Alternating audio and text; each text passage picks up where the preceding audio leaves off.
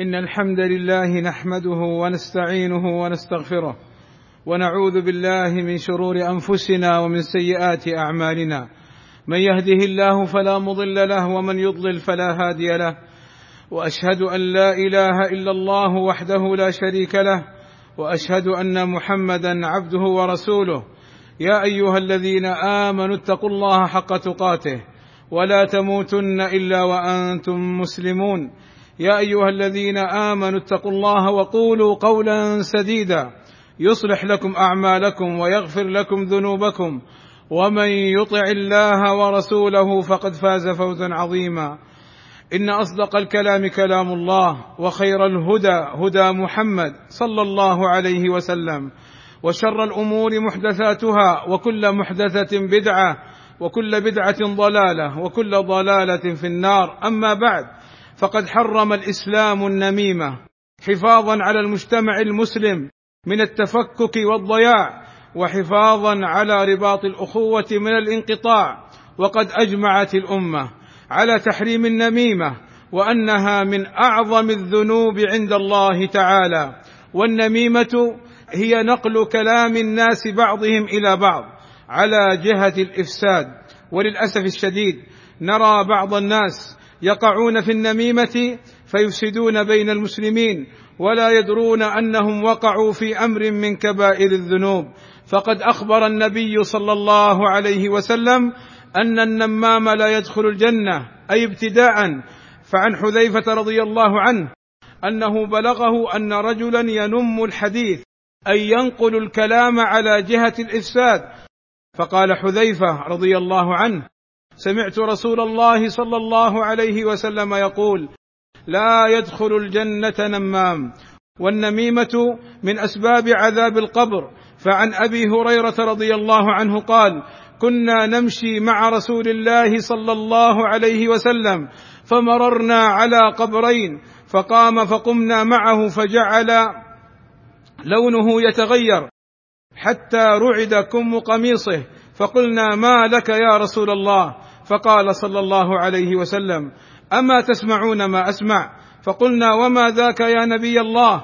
فقال صلى الله عليه وسلم هذان رجلان يعذبان في قبورهما عذابا شديدا في ذنب هين. قلنا فيما ذاك؟ فقال صلى الله عليه وسلم كان أحدهم لا يستنزه من البول وكان الآخر يؤذي الناس بلسانه ويمشي بينهما بالنميمة. وقوله صلى الله عليه وسلم في ذنب هين أي في عين النمام وفي عين بعض الناس لظنهما أن النميمه هينة. لا أن النميمه هينة لقوله صلى الله عليه وسلم في الحديث الآخر إنهما لا يعذبان وما يعذبان في كبير بلى إنه كبير. وفساد ذات البين تحلق الدين قال صلى الله عليه وسلم ألا أخبركم بأفضل من درجة الصيام والصلاة والصدقة؟ قالوا بلى.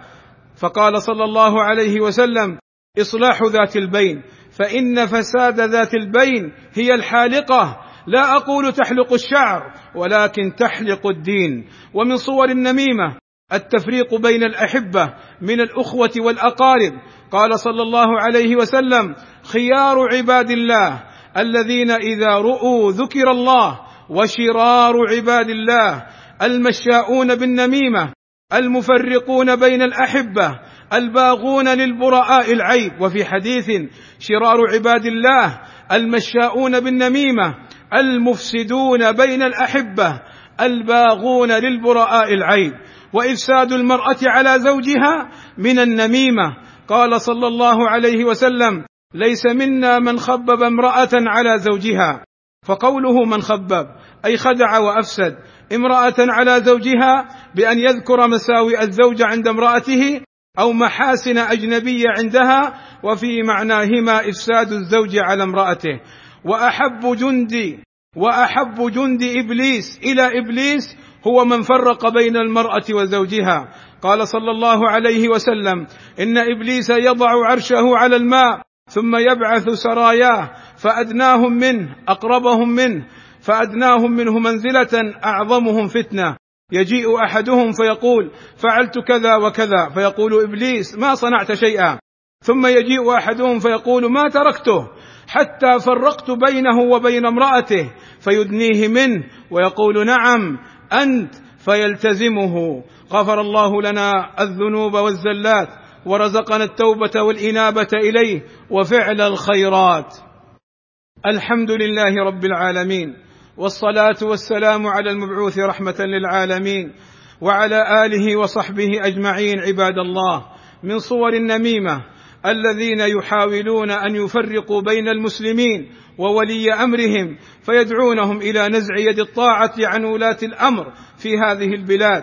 وخلع البيعة عنهم عن طريق القنوات الفضائية وبعض المنتديات في الإنترنت وعن طريق المنشورات ونحوها وعن طريق ذكر الأخبار الكاذبة والإشاعات الفاسدة ليفسدوا بين الناس بين الرعية وبين الراعي. فالواجب علينا الحذر والتحذير منهم. قال أهل العلم كل من حملت إليه نميمة وقيل له فلان يقول فيك كذا وكذا فعليه ستة أمور. الأول الا يصدقه لأن النمام فاسق. الثاني أن ينهاه عن ذلك وينصحه ويقبح له فعله. الثالث أن يبغضه في الله بخلاف بعض الناس. يحب من ينقل له الأخبار. الرابع الا يظن بأخيه الغائب السوء. الخامس الا يحمله ما حكي له على التجسس والبحث عن ذلك. السادس أن لا يقع هو في النميمة فينقل للناس ما نقله له النمام فيفسد بينهم. وهذا كله إذا لم يكن في النقل مصلحة شرعية فالواجب على كل مسلم مستطيع. اطلع على من تسول له نفسه الفساد في الأرض أن يبلغ ولاة الأمر ليكفوا شره وياخذوا بيده وينتشر الأمن ويعم الأمان. ومن كتم وسكت عن أمثال هؤلاء أهل الفساد والشر وهو قادر. فقد خان الأمانة ولم ينصح لولي الأمر. عباد الله إن الله وملائكته يصلون على النبي. يا أيها الذين آمنوا صلوا عليه وسلموا تسليما. فاللهم صل على محمد وأزواجه وذريته كما صليت على آل إبراهيم. وبارك على محمد وأزواجه وذريته كما باركت على آل إبراهيم إنك حميد مجيد. وارض اللهم عن الخلفاء الراشدين أبي بكر وعمر وعثمان وعلي وعن جميع أصحاب النبي صلى الله عليه وسلم. اللهم آتنا في الدنيا حسنة وفي الآخرة حسنة وقنا عذاب النار. اللهم اغفر للمسلمين والمسلمات والمؤمنين والمؤمنات الأحياء منهم والأموات. اللهم وفق ولي أمرنا الملك سلمان بن عبد العزيز وولي عهده الأمير محمد بن سلمان لما تحبه وترضاه. وأصلح بهما البلاد والعباد واحفظهما من كل سوء.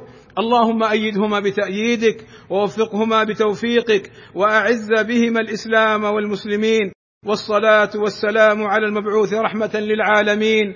والحمد لله رب العالمين.